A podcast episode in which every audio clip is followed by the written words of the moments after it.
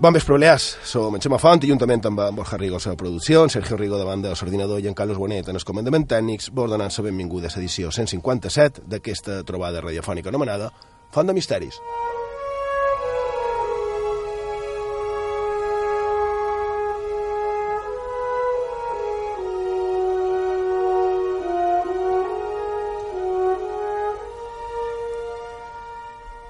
Tornem a estar asseguts en els micròfons de la ràdio pública de les Illes, tornem a emetre una nit especial, una nit com la d'avui, que és cap d'any.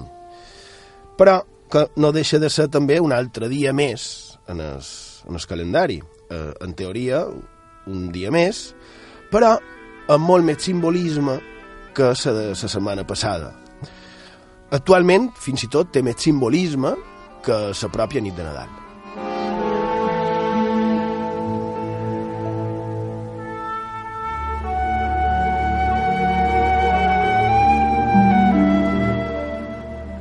Per a molts s'acaba un cicle, com si fos una cloenda, com si es tanqués qualque porta i s'obrís una altra. I aquí sí que hi ha molta de gent que fa ritus, encara que només sigui eh, aquest tan estès de, de menjar grans de raïm, que és, és, jo penso que és el més estès que tenim a la Terra. Aquest i l'altre costum és fer festa. I ja que som, per favor, anem, anem alerta, eh? gaudim, evidentment, però amb bones, no fa falta fer excessos, alerta amb el que prenem i amb els vehicles, tenim els serveis de transport públic, o podem anar passejant, però amb l'alcohol i segons quines substàncies, per favor, res de vehicles, que si no passa el que passa, i vaja, quina manera de començar l'any. I d'això, anem en seny i passarà bé, i gaudir d'un any que espero que sigui millor que aquest que s'acaba avui.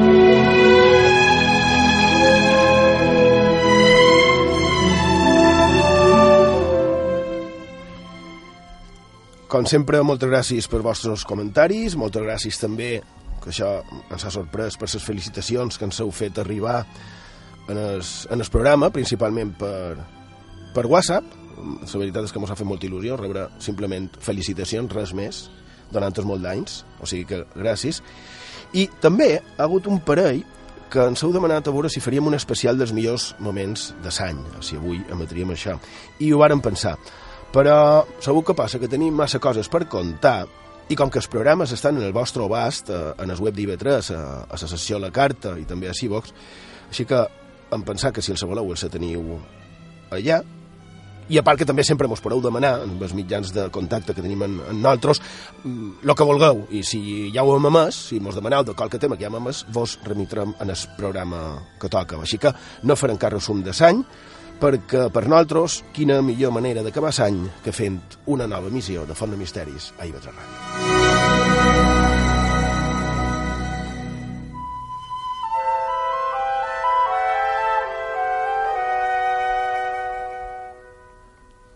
Bon vespre, molt d'anys, Borja Rigo. Bon vespre i molt d'anys. I bé, i bé. Bé, bé uh, crec que estàs fent una, una clocada d'ull cap a una pèrdua d'aquesta setmana, simplement dir que... bé, dir el que vulguis. Sí, estem, estem sentint es, el tema de, de Narella, la princesa Narella de, de Star Wars episodi 4, és un petit tribut, un petit homenatge a Carrie Fisher, que com tothom, supos que arreu del món sap, va morir aquests dies, i la seva mare també, el dia següent, dues grans actrius que, bé, se n'han anat. Com gran quantitat de gent famosa, de gent coneguda i també de gent propera, enguany. Mm, curiós. Uh, Sergio Rigo, bon vespre. Bon vespre, Xema. Molt d'anys. Com molt estàs? Molt bé. Tu també uh, estaves d'acord amb, amb en Borja de posar aquesta, aquesta, cançó, sí. aquesta cançó i bé, és la nostra manera de retre uh, els nostres tributs, no?, d'una manera una miqueta amagada. Uh, he dit lo de les formes de contacte, mm, com sempre podries, podries donar-les i doncs podeu enviar tot allò que vulgueu, tant a Facebook com a Twitter, cercant Font de Misteris. També ho podeu fer a través del WhatsApp, que en aquest vespre tan especial segurament el farem usar molt. El número de contacte és el 659 16 69 52. Ho repetim, 659 16 69 52. I per acabar també ens podeu enviar tot allò que vulgueu on es correu electrònic fontdemisteris arroba ivetresradio.com.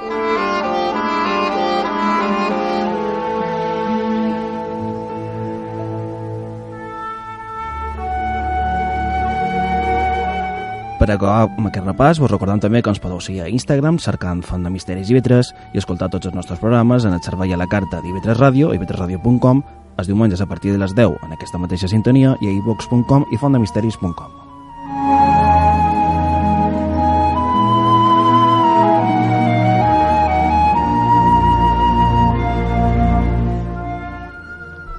Ah, bé, també, que no vull que se m'oblidi que després d'una cosa mos anem a una altra i després, si no, no ho diré. Un any més, ja és la cinquena temporada, el nostre agraïment a tots el que feis possible que Font de Misteri sigui una realitat, començant per en Pedro i Nakati, que sempre reben amb un somriure a la porta, i també a la resta de companys i companyes d'informatiu, d'esports, de, encara que el d'esports eh, sovint mos lleva una miqueta de temps, però encara així, eh? eh, tècnics, eh, documentació, també els companys d'altres programes, col·laboradors, els de seguretat, administració, publicitat, producció, evidentment també en el tècnic de so, que si no encara se m'enfadarà. En definitiva, tot el que seguiu fent, que el manco, per als que feim Font de Misteris, sigui sempre un honor, un plaer i un privilegi per estar aquí cada setmana. I sabeu, de cada vegada ho gaudim més i en bona mida és gràcies en el, en el tracte que, que rebem Gràcies de tot cor i ja ni vos dic la resposta que, que mos donau els que mos escoltau. Increïble. Moltíssimes gràcies i per molt d'anys.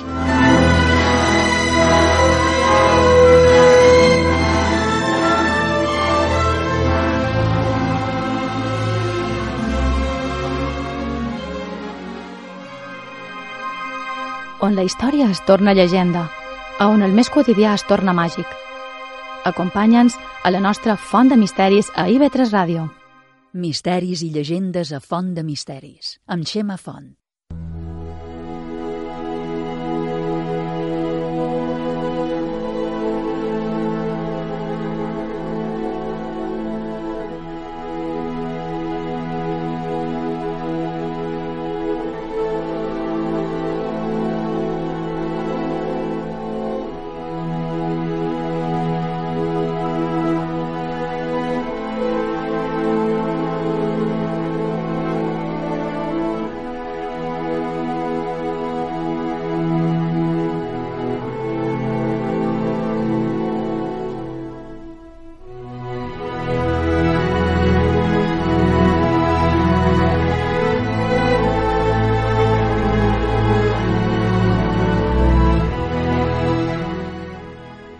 Font de Misteris, a la sintonia d'IV3 Ràdio, la ràdio pública a les Illes Balears, a Menorca mos podeu escoltar el 88.6 de la freqüència modulada.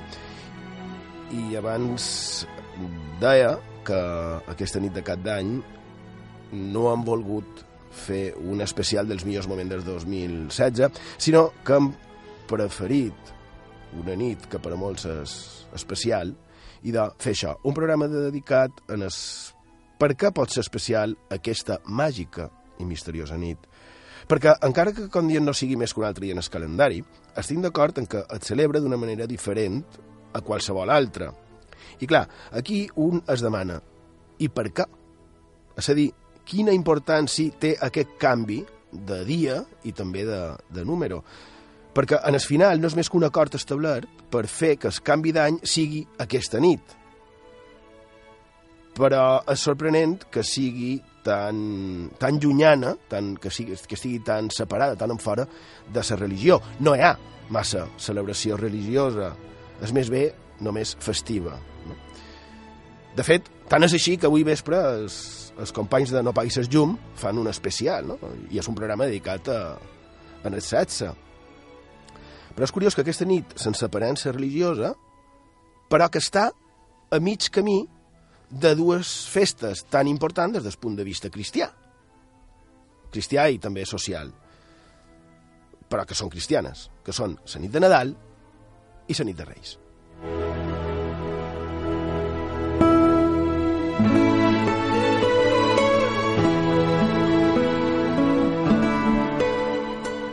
I ara aquí és quan un es posa a cercar i a tractar de treure conclusions i un se'n va, com solem fer, en els paperots, els paperots vells, i es troba coses tan curioses i sorprenents, no faré ús de més adjectius, però un es troba en coses com aquesta.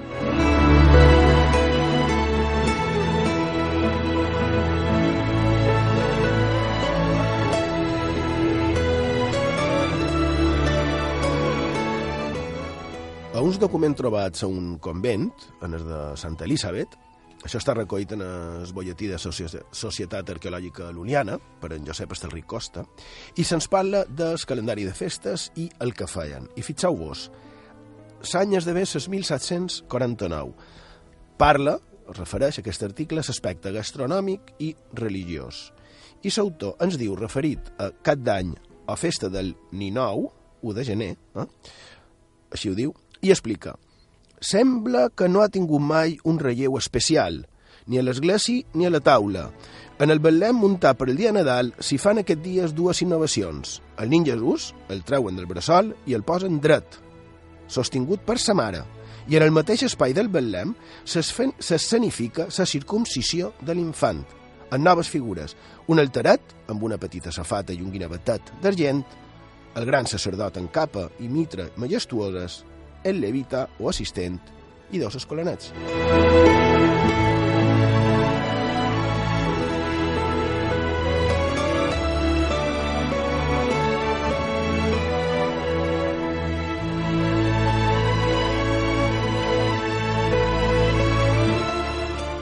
I ara aquí tothom me mira en cara de sorpresa. I de... Sí. I en certes ganes d'incorporar-ho. Clar que sí. Això Però, formava clar, part dels no, des Com, com nostres... jo he dit més d'una vegada en aquest programa, tenc el costum de fer Nadal dues vegades a l'any. Sí. És a dir, seria una mica estrany, també. Seria bastant El estrany. mes d'agost... El mes d'agost. I, a més, fer això sonaria, semblaria molt estrany. Sergio, Sergio diu, no, no, per favor, Sí, que per fa, favor. fa, posa manetes de pregar, eh? i de, així, ho, ho heu sentit bé, eh, en es Betlem, eh? això en es Betlem. Que a veure, que sí que és cert, el manco quan jo era jove, que en es Betlem es, es feia tenir una mica de, de vida, es feia avançar ses peces, segons es dia, no? Per exemple, principalment a Rei Max, en el principi era en juny, i els anaves movent mm, dia a dia, atracant-los cap eh, al portal, diguéssim. Eh? O jugaves també amb les figures, jugaves amb el, amb el Betlem, ficaves element que estaven fora dels temps d'on era el Betlem, eh? jo crec que això ho hem fet tots, figures que interactuaven amb els pastorets, ficaves Madelmans i amb els pastorets i coses d'aquestes. O el Bon Jesús, que, per exemple, fins dia 23, és a dir, fins dia 24, el bressol era buit. No? I de dia de cap d'any s'escenifica la circumcisió de l'infant en noves figures. Textual, estic, eh? Un alteret amb una petita safata i un guinevetet d'argent, el sacerdot i l'assistent i els escolanats.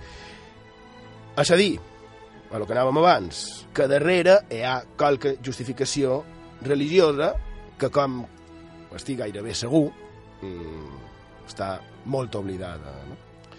A part d'un altre tema que també podria sorgir damunt d'aquest escrit, que seria la paraula ni nou, eh? perquè parla de la nit de cap d'any, o cap d'any, o Ninou. Però abans eh, anem a l'altre. La particularitat d'aquest dia, antigament, i recordem que de les coses que es feien, es feien abans, tenim el que es fa sovint a dia d'avui, i de la particularitat era la commemoració de la circuncisió del bon Jesús que acabava de néixer. No entrarem al manco avui, un altre dia pot ser, però no entrarem a valorar la importància, els pros i contres de la circuncisió neonatal, és a dir, la que fan en els nins que acaben de néixer i que es fa per temes religiosos, culturals i, i de semblants. No? Però sí en el fet en si de la circuncisió. Més que res perquè, i ara ja crec que en Borja sap per on vaig, perquè gràcies a aquest fet tenim la possibilitat, com ja vàrem veure en el seu dia, tenim la possibilitat de venerar els sants prepucis.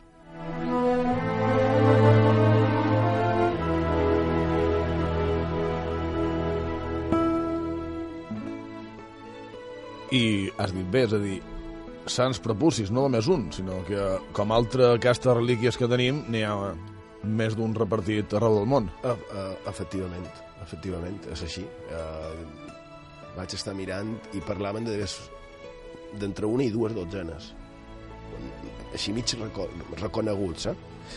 Bé, i això, de la circuncisió, ve del costum hebreu, en els nins, vull dir, després del seu naixement, i, i clar, aquell bocinet de pell que li varen llevar és l'únic bocí del cos de Jesús que es manté, perquè la resta va ressuscitar.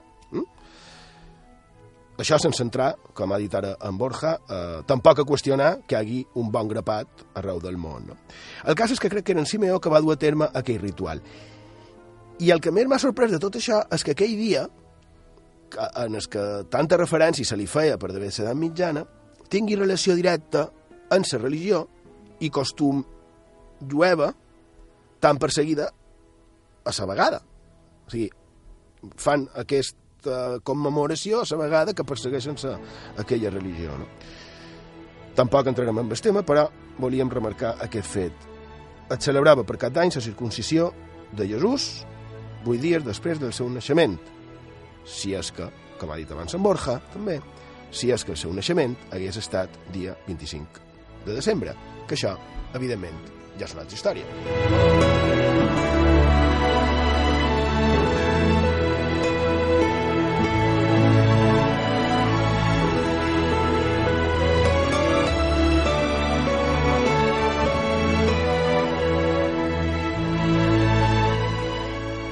Tan important era que hi havia, que l'anomenava, en el dia de cap d'any, oficialment se, se li anomenava el dia de, de sa circuncisió. Però aquí, a la nostra comunitat, també se li deia el Ninou, així, com sona, Ninou.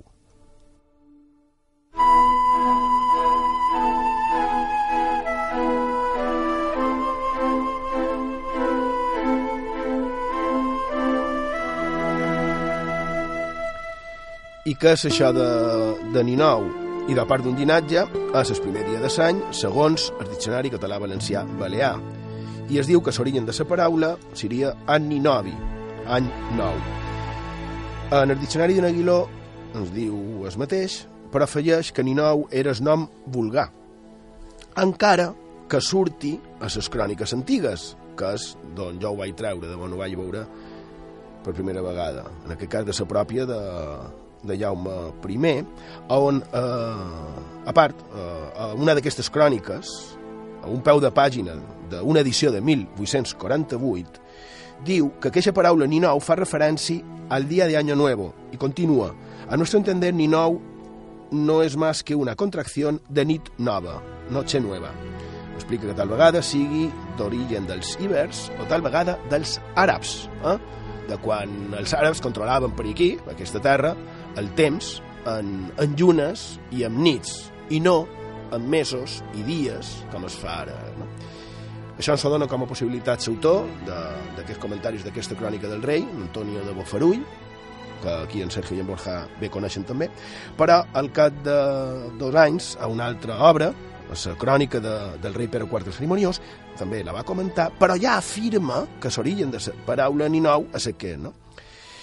Eh, aquí, en qualsevol cas, mm, tenim que és una curiosa paraula, que per allò tindria un altre origen, mm, que ha un altre dia, i que és curiós perquè aquest dia, el dia de Ninou, era costum fer un regal a sa mainada. Mm? Curiós que aquest costum s'hagi perduda. Això deu ser que cap empresa d'aquestes grosses s'ha anat amunt d'això, perquè si no ho recuperaran. No donarem idees per si un cas.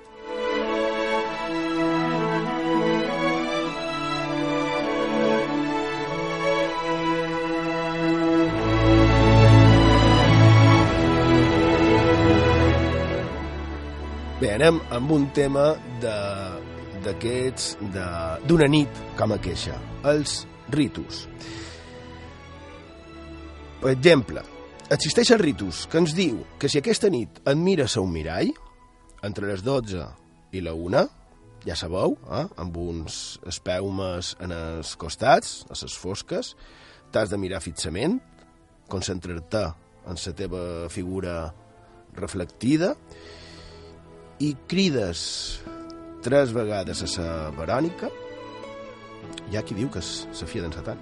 I doncs, ella vendrà, se t'apareixerà a l'altra banda del mirall, i a més, aquesta nit, nit en la que deixam, deixam enrere l'any per enfrontar-nos en el següent, és a dir, on simbòlicament rompem amb el passat per anar cap al futur, i doncs si aquesta nit li demanam, millor dit, si li deim, ajuda'm a conèixer la meva identitat futura i en aquell cas, la teva imatge reflectida en el mirall s'anirà transformant en es d'una persona vea, una persona major, que no ets més que tu en el futur.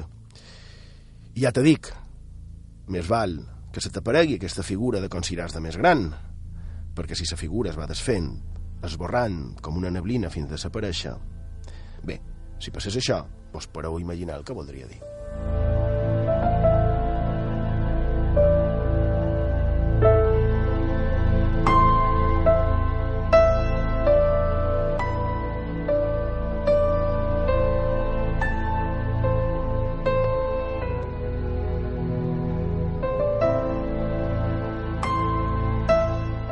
Un altre ritus que suposa que es pot fer aquesta nit, al igual que en aquest cas també se pot fer que en, es- en aquest mateix dia també se pot fer la nit de Sant Joan i és el que s'ha de fer per aconseguir el pitiús familiar el que la resta de les illes coneixem com un dimoni bollet eh, crec que ja ho hem parlat, més o menys la mateixa per Sant Joan, o exactament podríem dir, només canvies dia.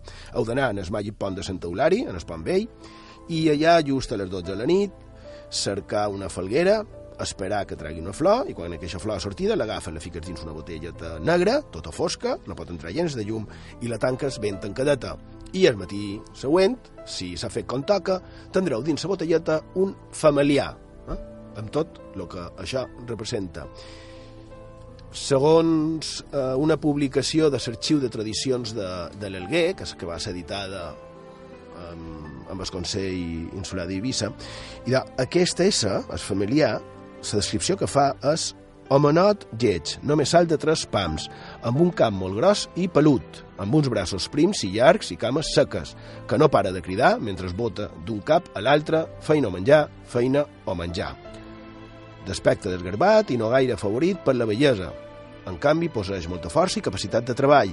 Ell sol és capaç de fer en poques hores o dies la feina que un sol home sol fer en setmanes o mesos.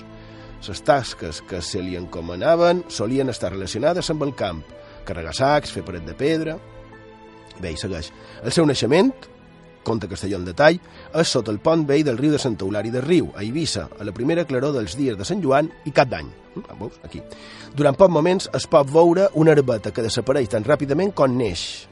Aquesta, aquesta herbeta, que vendria a ser la flor de la, de la falguera, s'ha de ficar immediatament dins una ampolla negra i tapar-la bé.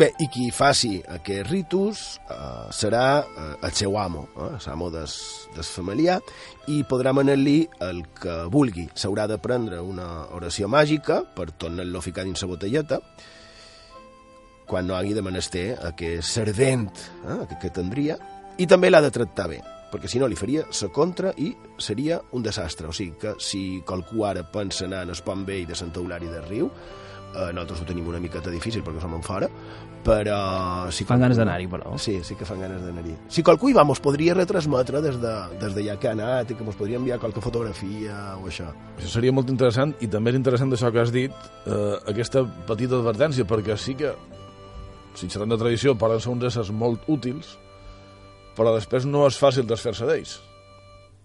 a menys que te sàpiga, sabis, l'oració màgica, que l'estava cercant, no l'he trobada, no sé si és que te la diu eh, aquest ésser quan surt, a lo millor te la diu ell, o te l'ha de transmetre qualcú, no ho sé, però això, quedau alertat si qualcú hi O vol queda anar a fer-la. l'opció d'enviar-los una feina que no puguin fer. Fins que Ah. se cansin i s'avorreixin. Eh, Exactament, o que, que puguin estar tota l'eternitat allà. Vos heu fixat mai eh, semblant que té en, amb els genis de la botella tipus saladins i, i, i semblants? És curiós. Bé,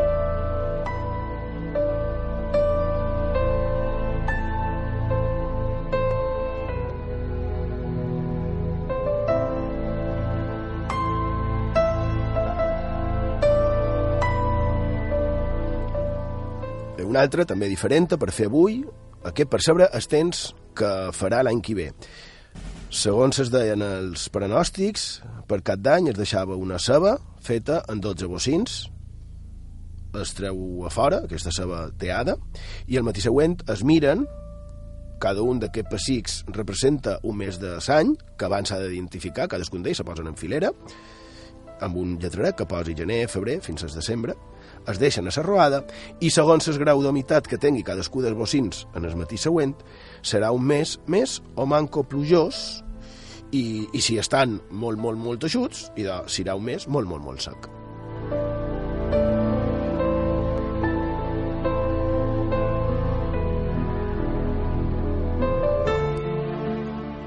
Un altre que tampoc se'ns pot oblidar. Atenció, estem parlant d'una nit màgica.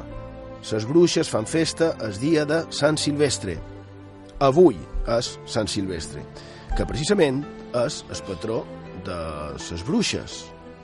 L'Església va assolir com a propis eh, la figura dels déus salvàtics, deïtats eh, romanes i, i anteriors, bé, i posteriors també. I bé, això eren els, de, els, de, els déus que habitaven en els boscos. Hi ha un bon grapat de, de zones de parla catalana on imagino que per herència ancestral i, i atàvica no, d'aquestes creences tenen o tenien, espero, curiosos rituals relacionats amb aquests déus. Per exemple, en el Ripollès i per Terra Alta, fins al segle XIX, les compravendes que incloïen ventes de terres boscoses s'havien de fer les transaccions tal dia com els d'avui i s'havia de tancar el tracte i cobrar. Perquè si una d'aquestes dues coses no es feia, els arbres es podien empipar, així, talment, i caure damunt o del venedor o del comprador i matar-lo, com si fos un bosc encantat. Però, a més, a Terra Alta, el costum era encara més radical, relacionat amb el dia d'avui, Sant Silvestre i la seva relació amb els boscos. Perquè ens diu Namades que quan un dia com avui, 31 de desembre, es venia una porció de terreny boscosa, s'havien de plantar avui mateix arbres que marquessin ses fites. Fins aquí perfecte, ben pensat. Posam arbres, que queden bé, no feim malbé a res, i marcam ses, ses llindes de la finca.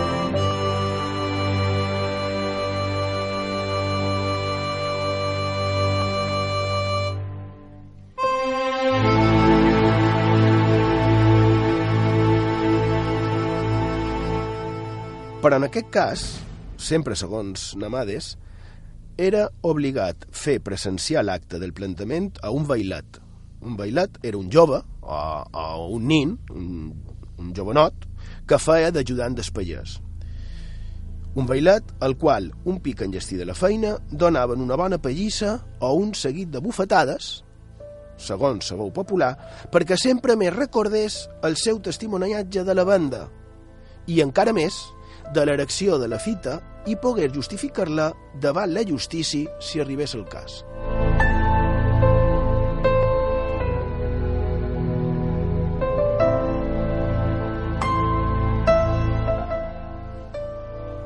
que supos que estireu d'acord en que és una mica bèstia, no?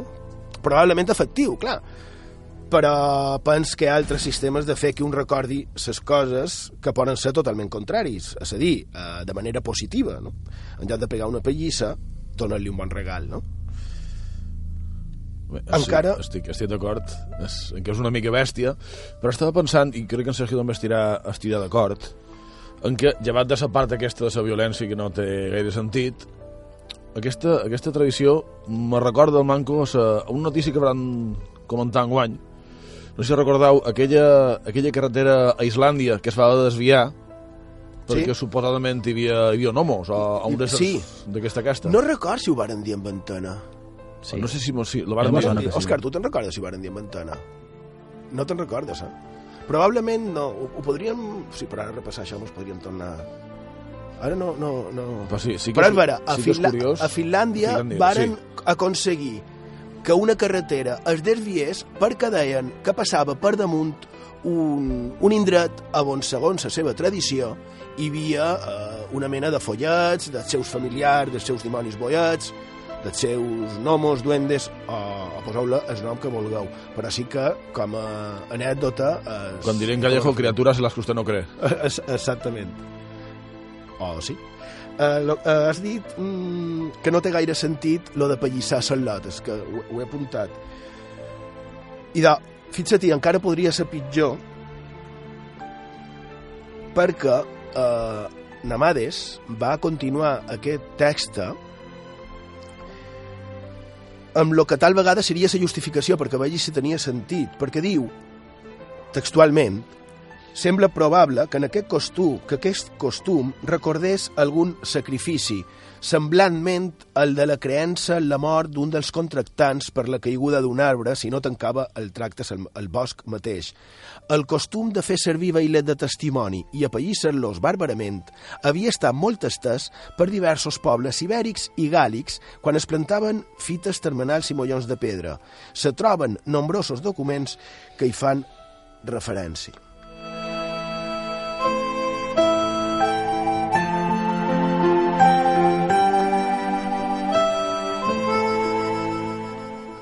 És a dir, que seria la rememorança d'antics sacrificis.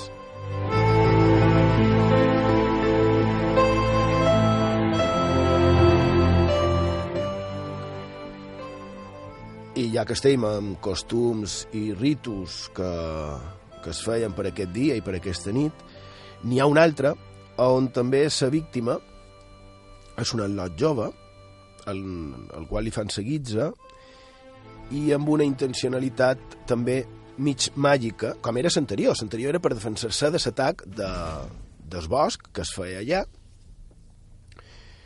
i en aquest cas no és en el bosc, és a Saigo. I era costum que esperi, i, i gairebé segur, que, que ja està totalment oblidada. Era un costum a les nostres illes i la podríem anomenar el peix d'or.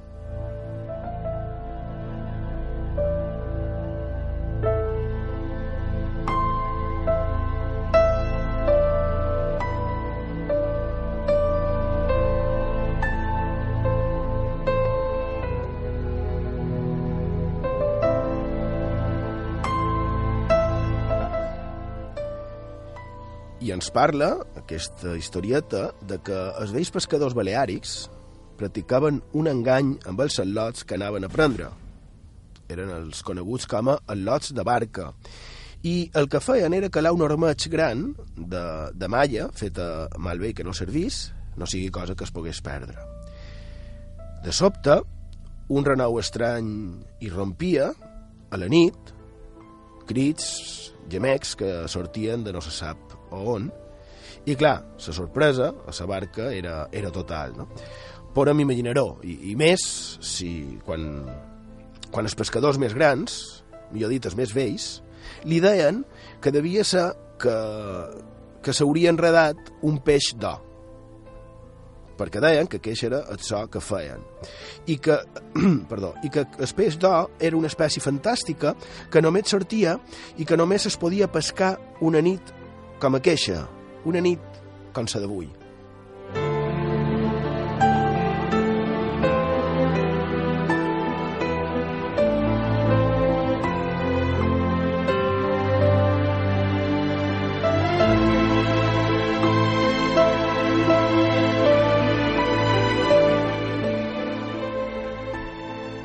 Un peix que era tot ell d'or i que agafant-lo representava riquesa per tota sa vida.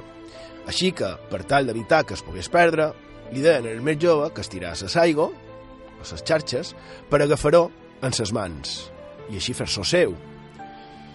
I la realitat era que un dels pescadors s'havia amagat i havia fet aquells renous que feren creure això a Sant Lot, que ja podem imaginar que se tirava dins l'aigua i un picallà en el de la barca no se li ocorria una altra cosa que embolicar-lo en les xarxes tant com poguessin, com si fos realment un peix excepcional. I, de fet, la pesca ho era, perquè el que volien pescar era en el pobre infant.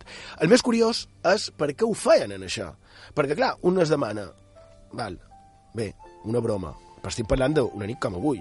No fa ganes de tirar-se al mig de la mà i molt manco a les fosques. Mm, Val que eren un poc bestis, però tenia sentit fer-ho? Per què ho feien en això? I era perquè crei, creien els vells pescadors que l'abundor i la qualitat de la pesca de l'any vinent estaven en relació amb el grau d'enredament o d'embolicament del, mi, del minyó en la xarxa i amb el conjunt de la bromada que comportava l'engany. La bromada recorda una vea pràctica de caràcter màgic conduent a afavorir i assegurar la pesca. Havia estat molt estesa i usada fins a temps moderns en diferents indrets.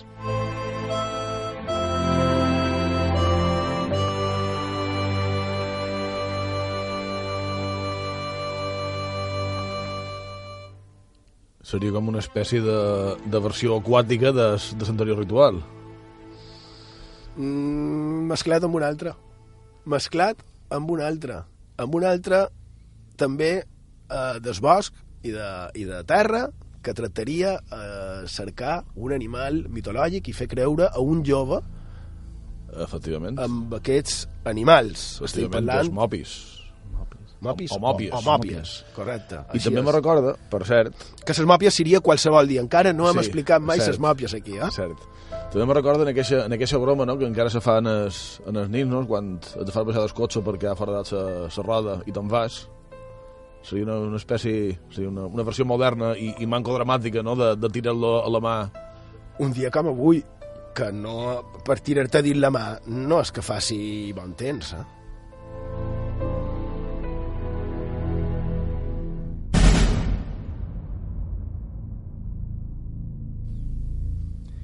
I d'això, la nit de Sant Silvestre i a Balears.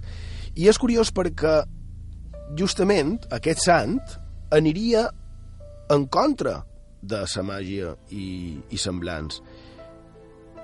Tant és així que sembla que les aigües termals que ha, a veure, a un hotel balneari per mitjans de Mallorca hi ha un aigües termals. Eh? I de, allà, eh, de el segle XVI, es va construir una capella i es va dedicar a Sant Silvestre i Santa Coloma, que són els sants d'avui, per evitar que la gent, o encara pitjor, la mateixa Inquisició, pogués acusar a ningú de dir o de pensar que les aigües d'aquell balneari eren màgiques o que eren coses de bruixes, que també podria haver qui ho pensés, no?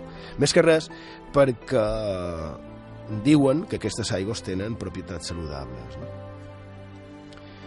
I més si és, tot això, una nit com la d'avui, quan diuen que les bruixes entren per les finestres i no val que les tinguin tancades, les finestres, vull dir. perquè tanmateix entraran, igual. És l'única manera que hi ha a les nostres illes d'evitar que puguin entrar i fer de les seves aquesta nit, més és quan tenen més força i més poder, segons diversos antics i moderns documents. Bé, de fet diuen que, que les coses més grosses i bèsties atribuïdes a les bruixes i també en els bruixots són succeïdes la nit de Sant Silvestre, la nit de cap d'any. Nit que no és aconsellable anar per llocs eh, foscos, mm, deshabitats, tampoc pels boscos, per encara més motius, a part dels que han dit abans, i com podem evitar que entrin a casa. I d'allà un parell de sistemes. Un és posar una branca de llorer o d'olivera a la finestra, però no val anar a agafar una branca i ja està. No, ha d'haver estat beneïda el dia de ram. Eh? Un altre seria, per exemple, senyar tres pics el coixí amb aigua beneïda i posar-ho amb un bocinet de pa també beneït a baix. També podem fer-ho posant flors d'olivera o de romaní beneïdes en el dia de Sant Pere Màrtir. Si no heu anat a beneir res, i de, si teniu ja de foc, podeu tapar el caliu en cendres i fer damunt la cendra tres creus. També però encara potser no ho sé, aconseguir aigua beneïda, amb una branqueta de llorer, la podeu tirar a portes i finestres. Bé, sistemes, entre d'altres que n'hi ha per tractar d'evitar que les bruixes puguin entrar dins casa, i així tal vegada s'aniran a lluny de nosaltres per fer aquestes reunions de, de bruixes que cada any, una nit com a queixa, celebren a diferents indrets, com per exemple, ja ho sabeu, no? On, Borja Rigo? En els Puig de l'Aró, per exemple.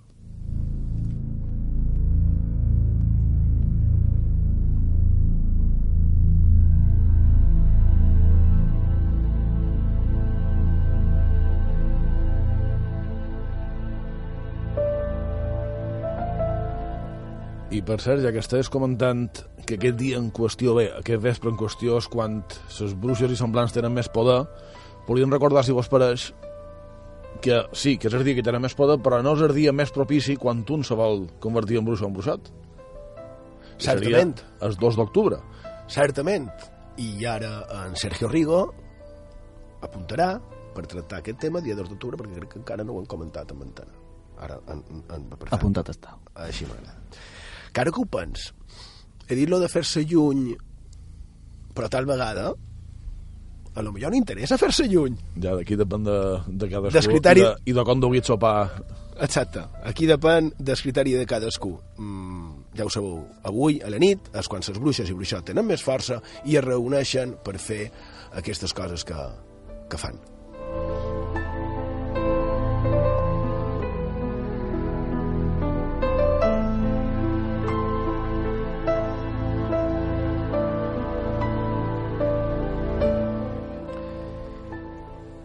També diuen que si encara així aconseguissin ficar-se dins sa casa, com ven els nadons petits, en aquest que no es poden defensar, senyar-los en el bressol i posar-hi també aigua beneïda. A part de, de tenir més o manco, quan més millor se suposa, devoció a Sant Silvestre.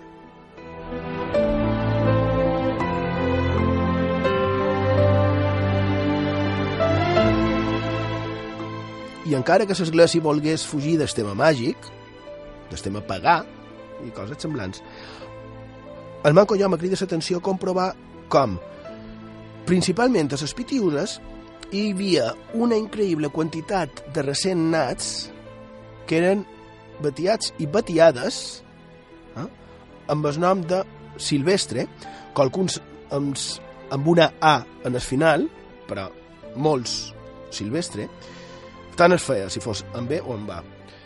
I de, gairebé tothom a Eivissa i Formentera, a la Formentera de repoblament. I se feia amb aquest nom, amb el nom de Silvestre. I per què devia ser això?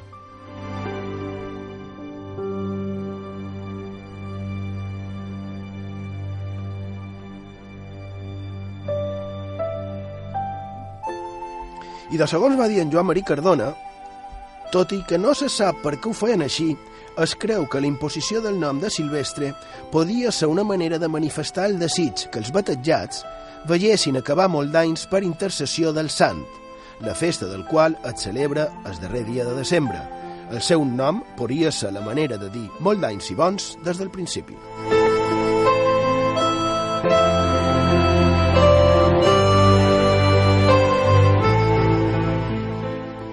Seria una manera com una altra d'invocar a les deïtats.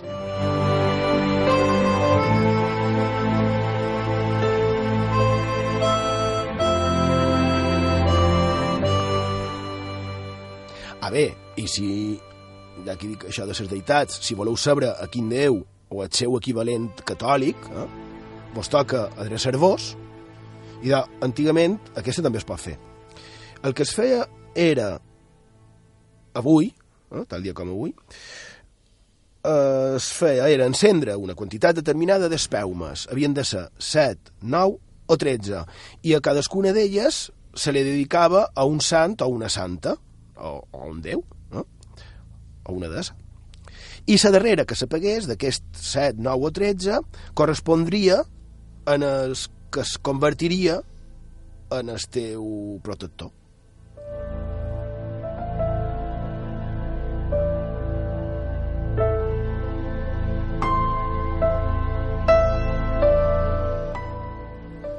I un pic dit tot això, vistes rituals i semblars referits en aquesta nit, i per un missatge que varen rebre, tractant precisament el tema dels ritus en particular, per avui, i de, voldria recordar que en el final és una nit com qualsevol altra.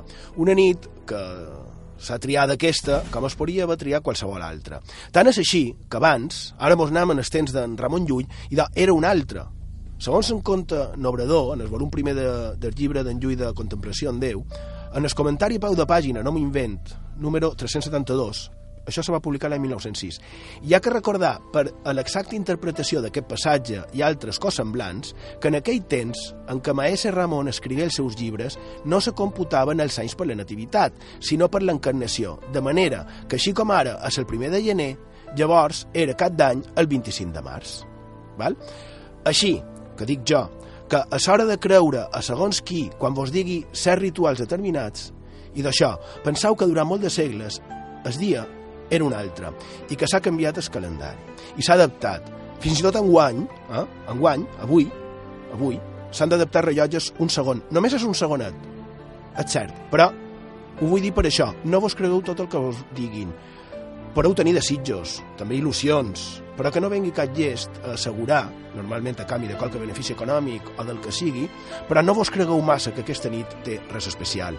Més que res, per el que deia, perquè se me'n venen en el cap diverses adaptacions del calendari, que la veritat fa que un ja no sap a quin dia estiríem, no? I tot això, a més del calendari, va en funció del naixement de Jesús, que ja, només avui, sense parlar d'ell, ja hem vist que poden haver dues fetges, i també té relació amb les voltes de la Terra en el voltant d'una estrella anomenada Sol. I d'això, que poden creure en màgia, poden somiar, desitjar, tenir fe i esperança. Però no mos deixem enganar.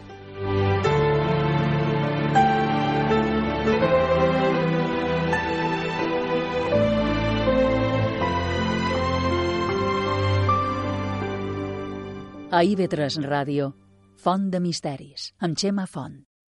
Misteris i llegendes a Font de Misteris, amb Xema Font.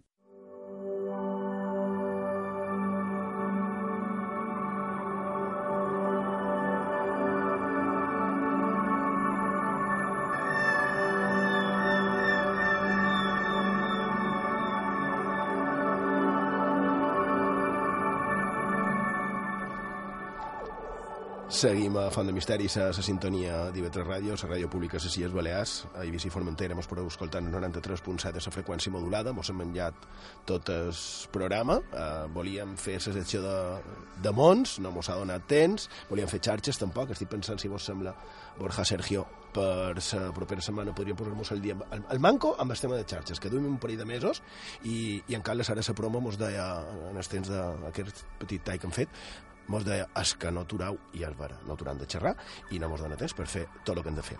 Però encara així, encara així, per començar bé l'any, la setmana que ve també aprofundirem, però dies 13 i 14 de gener, a Saunet, a la seu de les Cies Balears, podeu fer presencial o per internet, un curset d'aquest que tant mos agraden, que s'anomena Edat Mitjana, Jocs, trons, corrupció i fanatisme, eh? dirigit pel professor Maíz i en la intervenció del doctor en Història, en Lluís Tudela, que ha participat més d'una vegada a Font de Misteris, en Xisco Roger, que també, i també és professor de la UNED, i també és company de les zones de ràdio. La setmana que ve aprofundirem amb aquest curs perquè és dia 13 de gener i la veritat és que mos agrada, eh? Corrupció, fanatisme, edat mitjana, tot plegat, no? Prenen nota. Uh, a part d'això, si voleu donar, dir qualque cosa, donar molt d'anys, vos sembla bé que la setmana que ve fassem un de xarxes i posem-nos una mica al dia? Seria un recordatori de 2016. De les xarxes del 2016. Sí, coses pendents. Val. I, de... I res, això, molt d'anys a tothom i pròsper i feliç any nou. No, tens molt d'anys i fins l'any que ve.